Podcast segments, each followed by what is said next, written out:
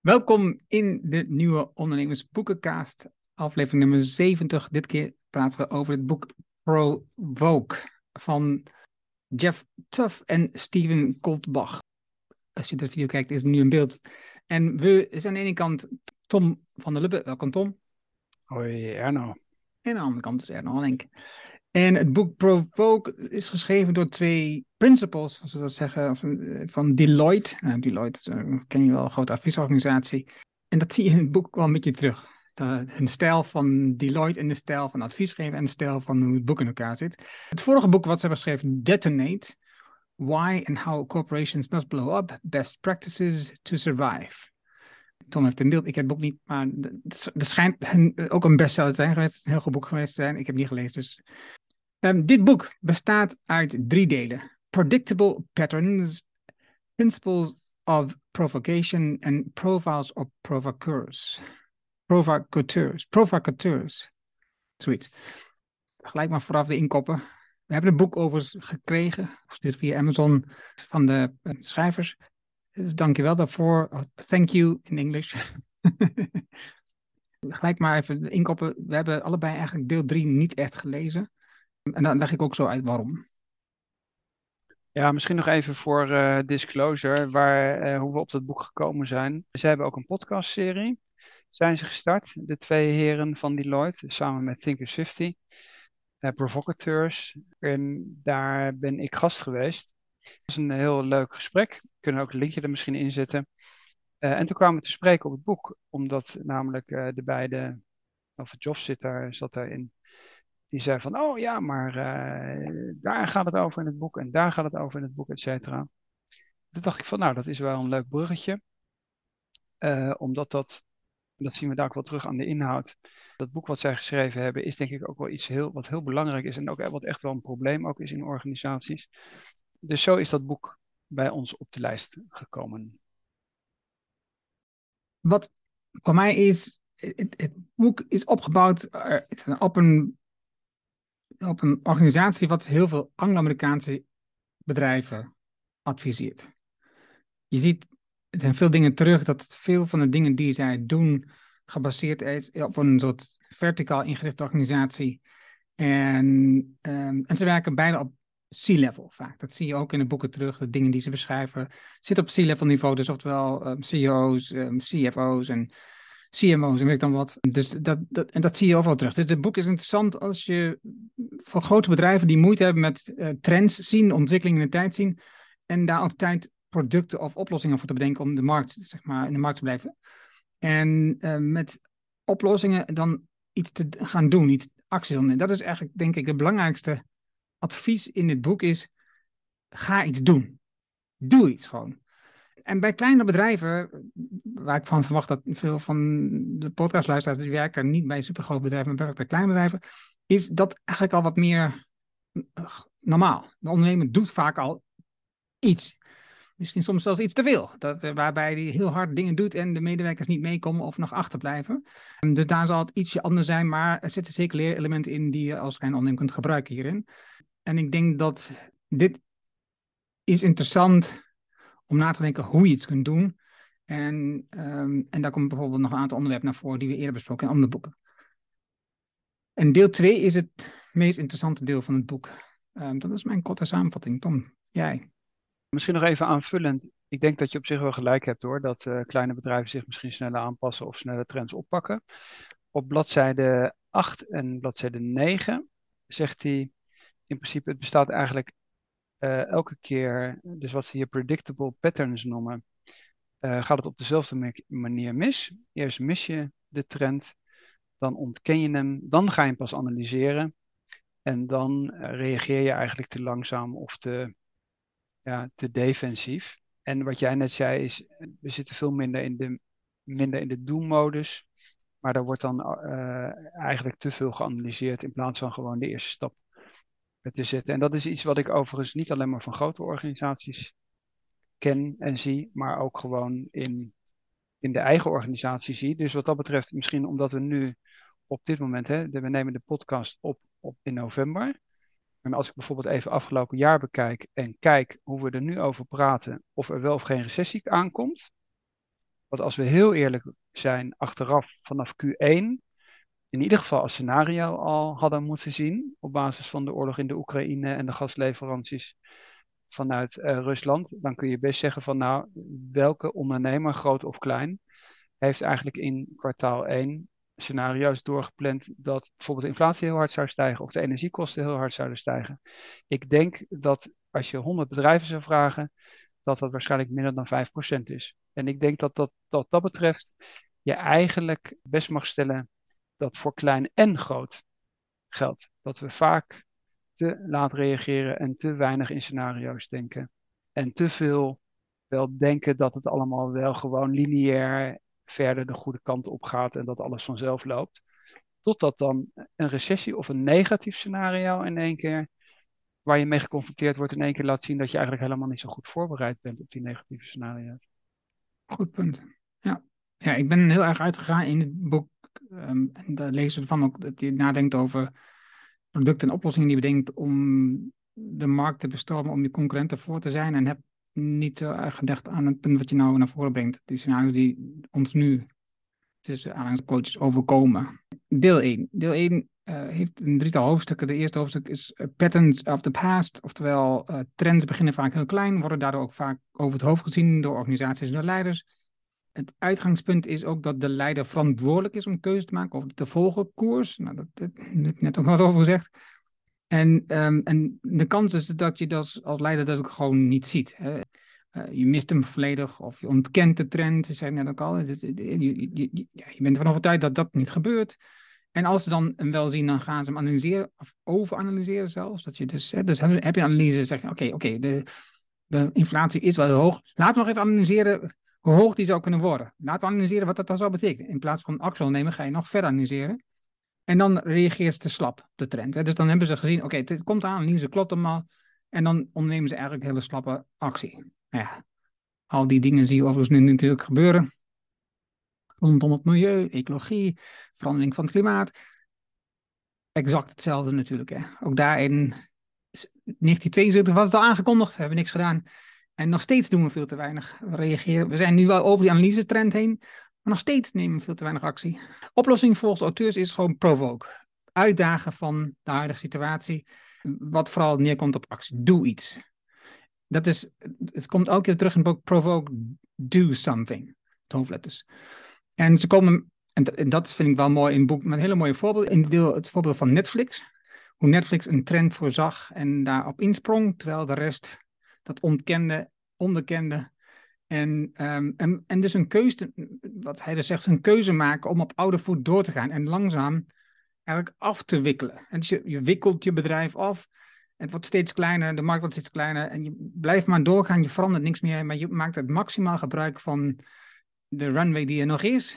Maar ja, een bepaald houdt hij gewoon op en dan is het klaar. Ja, er staan heel veel uh, van dat soort voorbeelden in. Dus ik zit bijvoorbeeld nu op, even op bladzijde alweer een hoofdstuk verder, bladzijde 22, dan gaat het over de e-readers. Dus als je ziet hoe Amazon erop is gesprongen met Kindle, et cetera. Ja, kun je nou niet achteraf van zeggen dat niemand dat zag aankomen. Nee, maar hij heeft wel, en dat is wel mooi, ik volg uh, een Engelsman hierover, die hier vijf aan tikken is, of een Canadees stelsel, eh, over de macht die Amazon heeft. Bijvoorbeeld als je, als je met audio uh, boeken, er is nu eigenlijk maar één partij als je een audioboek wilt publiceren waar je terecht kunt. Dat is Amazon. En niks anders. En daarmee raak je alle rechten ook kwijt. Je hebt geen enkel recht meer over op je, op je audiobestanden als auteur. En dat is, zij drijven het echt heel ver. En dat is natuurlijk precies wat ze willen. Dat, zo hebben we ooit ingezet. In hoofdstuk 2 gaat het over de importance of the if versus the when. Dus eh, de vraag is dus, is die trend er? En dan gaat hij over naar wanneer. Wanneer gebeurt het precies? dus je hebt, ze hebben dan een plaatje getekend uh, in een soort diagram, waarbij in eerste instantie heb je zo'n uh, die heuvelopwaarts gaat en dan heb je nog steeds de vraag, gebeurt het? En dan heb je de omslagpunt aan de top en dan heb je wanneer gebeurt het precies? Nou, en dan is er geen houden meer aan, dan ga je met z'n allen naar beneden. En de vraag is dan ook eigenlijk, hebben ze het voorbeeld gegeven van dat mensen van de kabel afgaan. Hè? Dus dat je de kabel hebt als in huis die ervoor zorgt dat je televisie en internet en tv en zo thuis of uh, telefoon thuis kwam. En in het begin waren er natuurlijk een paar mensen die zeggen, ja, dat wil ik niet meer. Ik ga het allemaal zelf organiseren, dat gaat het niet meer doen met die En, het, ja, en toen was er een paar mensen in een paar, in een kleine doelgroep. En het werd steeds groter en steeds mensen zeggen, ja, ik, knip die kabel gewoon door. Ik heb geen kabel meer nodig. Ik organiseer het allemaal wel via internet. Ik kijk wel via YouTube. Ik organiseer het wel met een, een, een Chromecast of wat dan ook. En, die, en, en, dus ik heb geen KPN, ik heb geen Ziggo, ik heb geen dingen meer nodig. Want ik red het gewoon zonder die kabel. Nou, dat is zo. En, en telkens van dit soort voorbeelden geeft wel een mooie, ja, kleurrijk verhaal voor mij in het boek, uh, wat je meeneemt. En dan heb je daarna personal patterns. En dan heb je het over biases, oftewel vooroordelen. Nou, wat zijn, wat zijn een aantal van die vooroordelen, Tom? Ja, dat is vanaf uh, bladzijde 34 is natuurlijk waar wij het ook al vaker over hebben gehad. En waar jij natuurlijk ook heel veel zelf over schrijft, of ook geschreven hebt. Dat je eigenlijk je eigen beslissingen moet analyseren en dat je vooral je bewust moet zijn van je blinde vlekken of juist van de verkeerde beslissingsstructuren die daarachter liggen, ook al zou de uitkomst positief zijn geweest. En dat is voor mensen nog steeds heel moeilijk om een verschil te maken tussen een goede uitkomst en een goede beslissing. Het een heeft met het ander helemaal niks te maken. En dat wordt hier uiteindelijk nog een keer uitgelegd. Alleen dat is natuurlijk waar ondernemers ook heel erg intrappen. Dat ze denken dat als het met een bedrijf heel goed gaat, dat het te wijten is aan hun eigen ongelooflijke uh, managementvaardigheden. En dat is natuurlijk gewoon helemaal niet zo. Ja, en als het slecht ligt dan de markt. Dus wat dat betreft is het natuurlijk zo dat daar, die biases die worden hier bijvoorbeeld uh, genoemd. En dan wordt er nog even gezegd, oké, als je natuurlijk ook nog in je eigen bubbel zit, uh, de echo chamber die social media heet, dan kijk je vooral naar de data die je eigen standpunt uh, bevestigen. Nou, ze kunnen wel even doorgaan. Dat is wat elke keer gebeurt. ja, en dan is het, wat je heel vaak hebt, is ook status quo. is natuurlijk gewenst. Als je afwijkt van de mening, dan is dat vervelend. Overconfidence noemt hij. Nou, ook een heel goed zijn we wat dat betreft allemaal hele goede voorbeelden van. We hebben het verleden opgelost, dus we lossen het nu ook wel weer op. Dat zie je overigens ook op, op overheidsniveau. Toch maar blijven ontkennen dat er een recessie komt. Oh, die inflatie laten we vooral hopen dat die weer daalt. Dat is elke, we komen er wel uit, et cetera. Nee, het, het scenario is niet van, hey, zou op een gegeven moment tot grote maatschappelijke onrust kunnen leiden als dat hier zo doorgaat. Of als in de combinatie van hoge inflatie ook hoge werkloosheid bijvoorbeeld bijkomt. Een heel ander scenario dan we wuiven het, we wuiven het weg. En wat ik eigenlijk het meest interessante vind, is, dat is bladzijde 39, en dat is voor mij de kern van dat hoofdstuk. Dat is een citaat van Alfred Sloan, eh, waar die Sloan Management Universiteit naar benoemd is, om het maar even zo te, te zeggen. Die, daar is een citaat, citaat wat helemaal beneden staat. Die, daar staat uh, over, over meetings. I propose we postpone further discussions of this matter until our next meeting to give ourselves time to develop this agreement. En dat vind ik een briljant citaat. En dat gaat verder. And perhaps gain understanding of what this decision is all about. Dus wat zegt, hij, wat zegt dat citaat? Dat je eigenlijk alleen maar een goede beslissing kunt nemen als je daarvoor disagreement hebt gehad. Als je, heb dat ook wel vaker genoemd in andere podcast uh, besprekingen. Als je het allemaal met elkaar eens bent, dan moet je daar niet heel erg blij van worden. Nee, dan moet je zeggen van, oh, dit is heel gevaarlijk, want er heeft geen inhoudelijke discussie plaatsgevonden. Dus je bent helemaal niet gechallenged of dat wat je met z'n allen eigenlijk denkt op dat moment wat het juist is, of dat überhaupt het geval is. dat is dat, dat idee van de advocaat van de duivel. En daar gaat hij dan in principe verder op in. Uh, en dat vind ik een van de meest interessante stukken van het hele boek. En wat ik ook nog interessant vond dit stuk was een, voorstel om twee dingen te doen wanneer iemand met een idee of een trend komt. Hè. Dus je hebt, zoals jij zegt, hè, dus heb je dus het feit dat je zegt, oké, in Q1 zie je een scenario aankomen dat door de afhankelijkheid van het gas van Rusland met Duitsland, die combinatie, gaat Duitsland recessie, gaan wij ook een recessie. We zijn heel erg gekoppeld natuurlijk aan Duitsland wat dat betreft. Dan moet je dus op het moment dat je dat doet, moet je een paar dingen zeggen. Is het een hunch? Ben je mis, heb je misschien een bias? Dat zou die dan zijn. Of is het gebaseerd op data? Dus je moet dus jouw idee verantwoorden. Wat is de logica erachter? En dan moet je de HBD, zoals noemen het, um, niet, niet happy birthday, want dat staat HBD meestal voor in, het Engels. Maar dan moet je dus, is het een hunch, is het bias of is het based on data? En ik vond dat een hele goede um, techniek om ervoor te zorgen als iemand met een idee komt waar, zoals in jouw geval, dat je de rest van het team niet met je eens is dat je uitlegt waar komt dit idee eigenlijk vandaan en is het, ik heb een onderbuikgevoel, is het, ik heb een bias op dit vlak of ik heb het op data, kijk hier is de data, kijk daarna. Niet dat mensen dan in één keer omzwaaien, want dat is niet zo. Hoe meer data, hoe harder mensen misschien wel er tegenin gaan. Maar het helpt wel om dat wat recht te zetten in plaats van mensen gewoon maar gaan roepen. Het vierde hoofdstuk in dit deel is Expanding Peripheral Vision. En dat heeft al een beetje met wat ik net al zei. Omdat je dingen gaat uitleggen, gaat benaderen, opschrijven, gaat, gaat analyseren, maar niet overanalyseren. Wat ze doen is, breng diversiteit in in je organisatie. Wat je net al zei met die uitspraak van Sloan, is als iedereen met je eens is, is dat waarschijnlijk niet zo goed teken. Ondertussen heb je dus een soort gezamenlijke visie ontwikkeld, eh, waardoor je niet echt met elkaar in discussie komt. Want in een dialoog, in de discussies, in gesprek ontstaat de meeste nieuwe inzichten. Niet als je allemaal hetzelfde denkt. En dus heeft hij een aantal stappen opgezet hoe je dat zou kunnen doen om meer diversiteit te krijgen. En een opvallende daarin was bijvoorbeeld de laatste, gebruik anonieme vergaderingen.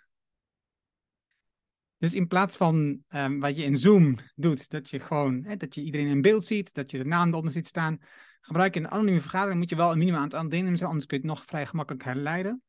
Maar, en dus niet met de stem, gewoon met chat krijg je dan. Uh, maar dan krijg je dus dat mensen een mening kunnen geven zonder dat anderen in de gaten wie dat precies is. En het dus lastiger wordt om je bias, zeg maar, in te schakelen op een bepaald vooroordeel van iemand. En je zegt, ja, die persoon zit altijd op dat vlak. Waarschijnlijk nu ook weer, dus waarschijnlijk is het niet waar. Of waarschijnlijk is het wel waar. Nee, of ik ben er niet mee eens. En dat wil je in principe uitschakelen. Nou ja, voor de rest hebben ze, nou, wij zijn advocaat van Duitsland, neem die net al uh, aan in je, in je team. Ja, zo hebben ze een aantal dingen opgenoemd om um, hoe je je horizon, je breedte, breder kunt maken door meer inzichten te krijgen, door meer dingen aanzien te komen. Dan naar deel 2, Principles of Provocation. Dus dit is eigenlijk het deel waarin ze uitleggen hoe je dit, die provocatie, die uitdaging organiseert. Hoofdstuk 5. Ik heb hier opgeschreven bladzijde 79. En dat is in principe dat idee van if in plaats van when. Dat je daar in eerste instantie eh, op concentreert. En wat ik vind wat ze heel goed doen, ze hebben dat onderverdeeld in vijf stappen. En vision, position, drive, activate en adapt. Dat je heel erg duidelijk daarin stapt en zegt van hé, hey, laat ik nou eens proberen voor te stellen. Eigenlijk vanuit het eindpunt bijna. Hoe zou dat er überhaupt uit kunnen zien? Het voorbeeld, ik weet niet of dat in dit hoofdstuk staat, is zij zijn ook verantwoordelijk voor de energy uh, practice. Waar ze bijvoorbeeld eigenlijk van het duurzaamheidsscenario uitgaan. En zeggen van ja, de wereld na fossielen brandstoffen, hoe zou die dan uitzien? En van daaruit eigenlijk ook een story uh, opbouwen. Uh, en die stappen die staan uh, uitgelegd. Foundation provocation that allows you to see the future that could emerge over time.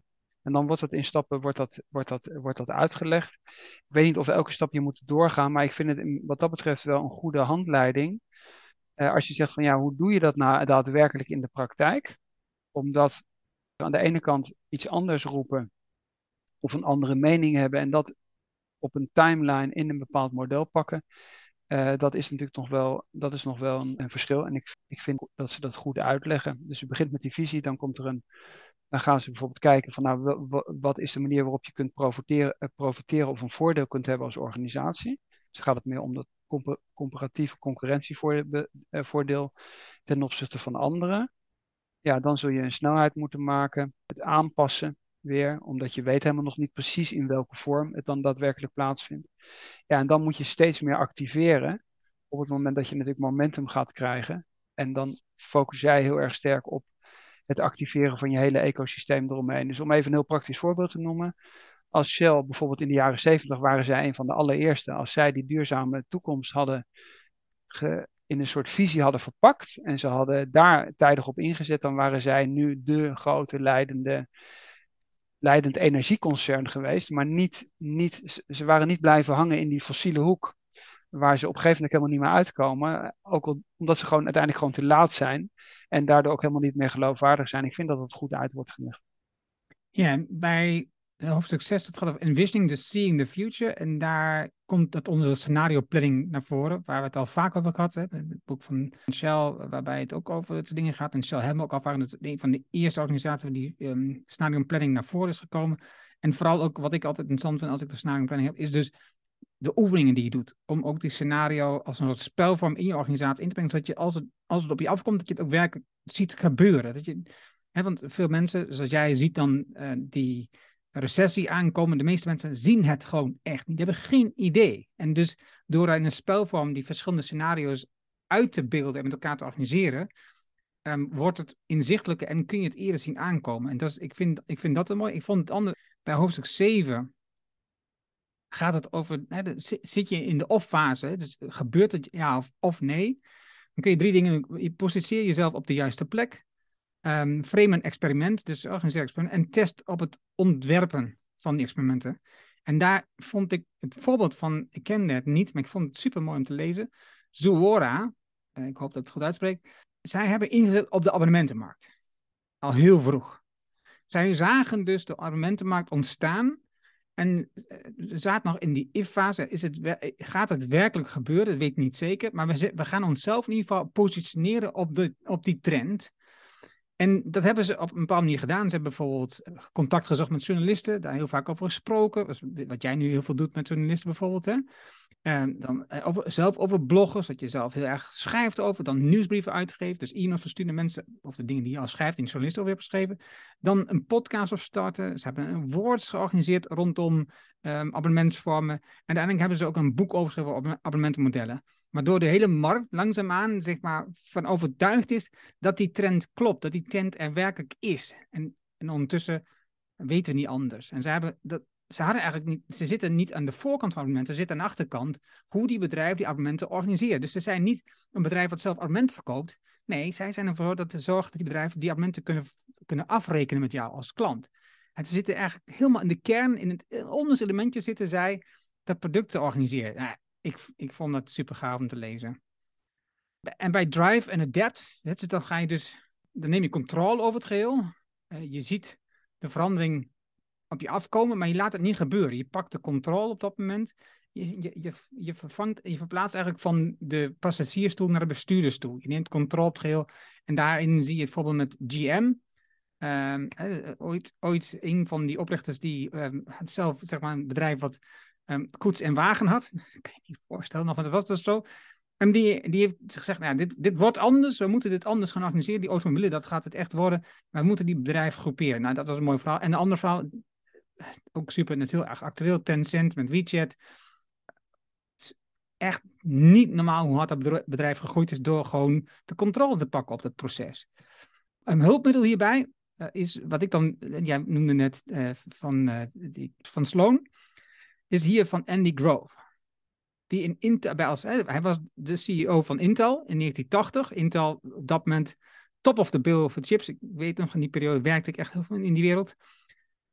Hij zei tegen de board, tegen het C-niveau, zei hij, als wij zouden ontslagen door de raad van bestuur en ze zouden morgen een nieuwe CEO aantrekken, wat zou zij dan doen, die nieuwe CEO? Dat was de vraag die hij stelde.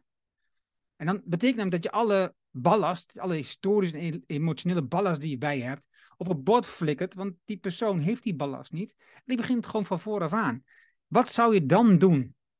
Is niet eenvoudig, maar ik denk dat dat een hele goede vraag is om jezelf en je team scherp te maken. Wat als wij worden ontslagen door wie dan ook? En er komt morgen een nieuwe ondernemer, een nieuwe directeur hier. Wat zou die dan anders gaan doen? Dus ik vond het een fantastische vraag. Ja, en het interessante is natuurlijk ook dat het eerste antwoord van hem, hè, dus van de oprichter, hè, want die Andy Groove, die vraagt die Gordon Moore dat, die bekend is geworden door die, uh, elke keer door het halveren van die prijzen en die capaciteit van die chips. He would get us out of memories. en, dan, en dan zegt hij van ja, why shouldn't you and I just walk out of the door, come back and do it ourselves? Uh, ook de manier waarop het allemaal opgeschreven wordt, is uh, leest, uh, leest lekker weg. en dan staat er ja, luckily for Intel, Andy Groove en Gordon Moore are true provocateurs. En die hebben zich in principe, eigenlijk is het, eigenlijk in Nederland zou je zeggen heruitvinden. Ben je in staat je eigenlijk opnieuw uit te vinden? En te zeggen van nou, als we opnieuw nu zouden starten, of als we opnieuw die markt in zouden gaan, hoe zouden we het doen? Zouden we dan weer met mainframe computers beginnen of met hele kleine? Weet niet of we het boek besproken hebben over, uh, over innovation. Wordt ook heel kort wordt er, uh, wordt het aangehaald. Uh, Clayton Christensen hebben we besproken. Dus daar kun je ook weer de link naar zetten. Dus wat dat betreft is dat, ja, ik vond het een heel mooi, ik vond het een heel mooi voorbeeld.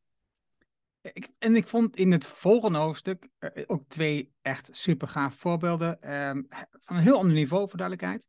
Eh, het eerste het, hoofdstuk is Activate. Dus dat gaat over harnessing your ecosystem. Dat is een interessant onderwerp. Hè? Dus hoe kun, je, hoe kun je nou je ecosystem, het ecosysteem gebruiken? Of meer samenwerken. Misschien klink ik, vind ik dan iets positiever klinken. En een natuurlijk ecosysteem, eh, dat is het ecosysteem waardoor een organisme leeft. Hè? Dus alles wat het organisme nodig heeft uit, uit de omgeving om zelf te leven. Dat is natuurlijk niet zelf gekozen. Dat is ontstaan, daar kun je iets van veranderen. Maar vanuit de business kun je zelf natuurlijk een ecosysteem kiezen. Dus daar ga ik in en dat ga ik organiseren en dat ga ik dan ook um, onderhouden en organiseren. Nou, en daarin hebben ze het verhaal van Pittsburgh, de stad Pittsburgh. Um, die in het, dat was van oorsprong een echte staalstad. Nou ja, ik weet ondertussen wel hoe dat met het steden gaat. Hè. We hebben natuurlijk zelf de ervaring in, in Limburg, bijvoorbeeld, om wat te noemen. Uh, we zien de mijnen die in Duitsland allemaal leeg staan, om dat te noemen dan zie je zo'n stad eigenlijk wegkwijnen. De mijn verdwijnt, uh, iedereen die erin gewerkt, en er werkt dan heel veel mensen in die omgeving. En iedereen is in één keer werkloos, dus zo'n stad kwijnt weg. En die stad heeft op een bepaald moment heel bewuste keuzes gemaakt om naar een andere product, een andere ecosysteem zich om te zetten, en andere mensen daarop aan te trekken, universiteit op aan te trekken. Die stad heeft zich enorm ontwikkeld op dit gebied. En dat is echt super gaaf om te lezen. En hetzelfde is met Mozilla. Mozilla ik ben uh, ook wel een beetje fan van Mozilla. Ik ben eigenlijk ook weer teruggegaan naar Firefox een beetje hierdoor. Firefox is een super browser die ik al lang heel veel eerder heb gebruikt, al regelmatig weer oppak. En daarnaast ze bijvoorbeeld Thunderbird, dat is een e-mailprogramma. En ze hebben ook Pocket, hebben ze ook een overgenomen. Maar Mozilla drijft op hun gemeenschap, op hun ecosysteem. Dat is niet maar zo ontstaan. Het is niet een browser wat is ingesloten omdat uh, het bij Windows hoort. Of het is niet omdat iedereen vanuit Google met Chrome werkt. Nee, dat is niet zo. Het is een eigen, eigen browsersysteem. En, en het zijn allemaal techneuten en friekjes die daar gebruik van maken. En die dat verspreiden en die je enthousiast maken over. En dat blijft bestaan. En ik vind dat echt super gaaf. En hebben ze dan, ik weet niet welke pagina het is, waarbij je dus waarbij in twee dimensies de opties weergeeft om in het ecosysteem zeg maar, op te zetten of te bouwen. Het niveau waar het ecosysteem dus gesloten, uh, proprietary is, of open, daar kun je, dan, kun je dus kiezen of, of het ecosysteem tijdelijk of permanent is. Hebben ze verder niet heel erg uitgebreid beschreven, maar het is wel een interessant onderzoek om na te denken. Als je een ecosysteem opzet of daarin gaat begeven, is, dan, is dat ecosysteem dan tijdelijk, omdat je iets wilt organiseren, of is het iets wat je permanent wilt organiseren? En is het juist omdat je besloten wilt houden, dat je alleen maar met bepaalde mensen wilt afspreken in het ecosysteem, of is het heel erg open en iedereen laat je toe? Een interessant um, onderzoek om te doen. Dus dat vond ik mooi. En ook de versnelling van de verandering, bijvoorbeeld de agile organiseren. Nou ja, dat is prototyping, allemaal heel bekend op dit moment. Maar het zit vooral in de test- en leermindset. Experimenteer en leer van experimenten en doe weer opnieuw experimenten. Wat ik ook nog wel interessant voorbeeld uh, vond in het laatste hoofdstuk, uh, juist omdat we in de toekomst uh, ook een boekbespreking gaan doen waar het heel erg met privacy te maken heeft, is dat voorbeeld van Wikipedia. Omdat je enerzijds heb je de enorme negatieve discussie, overigens wat mij betreft terecht, over social media en, het, en, en de gesloten systemen. Denk maar aan Facebook of Twitter of wat dan ook allemaal. En dan heb je daar tegenover heb je een voorbeeld dat we bijna zouden vergeten. Wikipedia kun je ook alles van vinden en ook alles op aanmerken, et cetera. Maar het is wel interessant dat natuurlijk, dus had je Microsoft met, een grote, met het grote project van de, eh, van de encyclopedie tegenover kunnen zetten. Ja, dat red je dus gewoon niet. Als jij natuurlijk iemand anders het moeilijk wilt maken en je werkt met een, met een open community, zoals Wikipedia, nou, dan, dan, kan Microsoft nog zo, nog zo'n goede encyclopedie ontwikkelen. Daar kom je dus gewoon niet tegenaan. En het blijft natuurlijk wat dat betreft, blijft dat dan ook in het publieke domein. Dus dat aspect vind ik bij Wikipedia, ik vind dat voorbeeld bijna nog interessanter omdat niemand kan zich dat toe-eigenen. Of tenminste, ik zie het op dit moment in de huidige structuur waar we in zitten. Zie ik niet dat iemand kan zeggen, weet je wat, ik koop Wikipedia of ik bepaal wat daar nu opgeschreven wordt. En dat is natuurlijk op de social media met betrekking tot meningen, is dat wel zo. Als ik iets op Facebook zet wat tegen de regels van Facebook is, dan is dat niet meer toegankelijk voor iedereen die op dat platform zit. Dat aspect vind ik ook nog wel interessant. Linux werd natuurlijk ook genoemd, maar ik vind Wikipedia in deze maatschappelijke context eigenlijk nog interessanter. Ja, en voor mij het lijkt op Mozilla. Eh, er zit, er zit dezelfde tendens achter. Eh, browsers kunnen bepaalde zoekmachines organiseren. Nou, dat, eh, Mozilla is daar heel open in. Maar als je dan praat over social media, op om de actualiteit erbij te halen. Twitter is ehm, in een lastig vaarwater, laat ik hem positief uitdrukken op dit moment. En daar ontstaat Mastodon populariteit op. Mastodon is al een platform wat al een aantal jaar bestaat, helemaal decentraal georganiseerd, met allemaal vrijwilligers, met allemaal verschillende servers. Kun je ook niet opkopen, je kan niet Mastodon opkopen, want het is niet van één persoon, het zijn allemaal decentrale servers. En door, zeg maar, wat er nu met Twitter gebeurt, de aanwas van mensen op, Mastodon is uh, nou, redelijk groot. En dit is mooi om op zo'n ontstaansniveau die discussies daar mee te maken en te ontdekken en, en te experimenteren met zo'n met zo'n platform, vind ik. Dus ik doe dat dan ook met plezier, dat soort dingetjes. Oké, deel 3.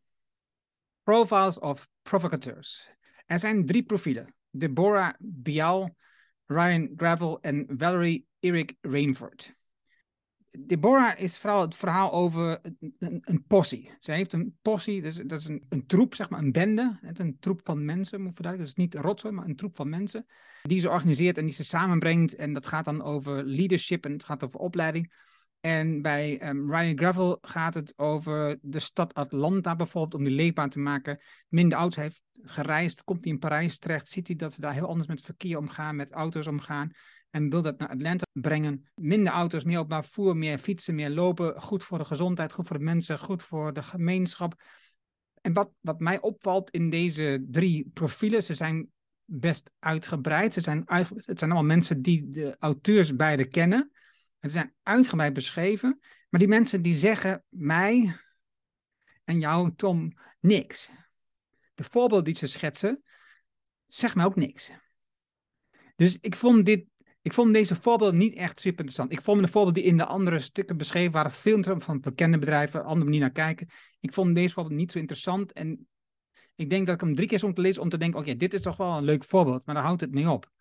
En dat heeft er denk ik mee te maken omdat de voorbeelden gewoon niet zo bekend zijn en ons in Nederland ook eigenlijk nauwelijks raken. Dat is een beetje over wat ik over drie, deel 3 had.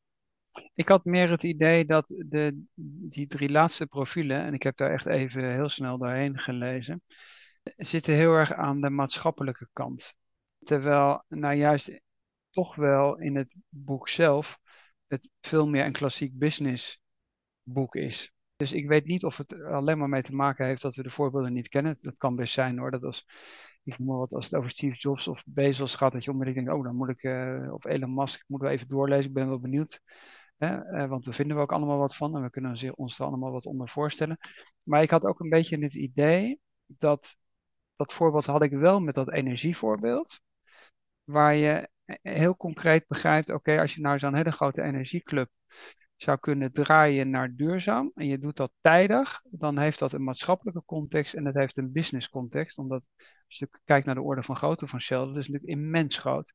En dan kun je echt wel wat doen. En dit vond ik toch een beetje, en dat bedoel ik ook met respect, het is, het is niet in de marge, maar het is niet de klassieke business context in het gedeelte van het boek daarvoor. Wat overigens het boek niet minder lezenswaardig maakt. Maar ik had, het, ik had dus ik had een beetje het gevoel dat het is een soort extraatje en niet een, een geïntegreerd gedeelte van het boek.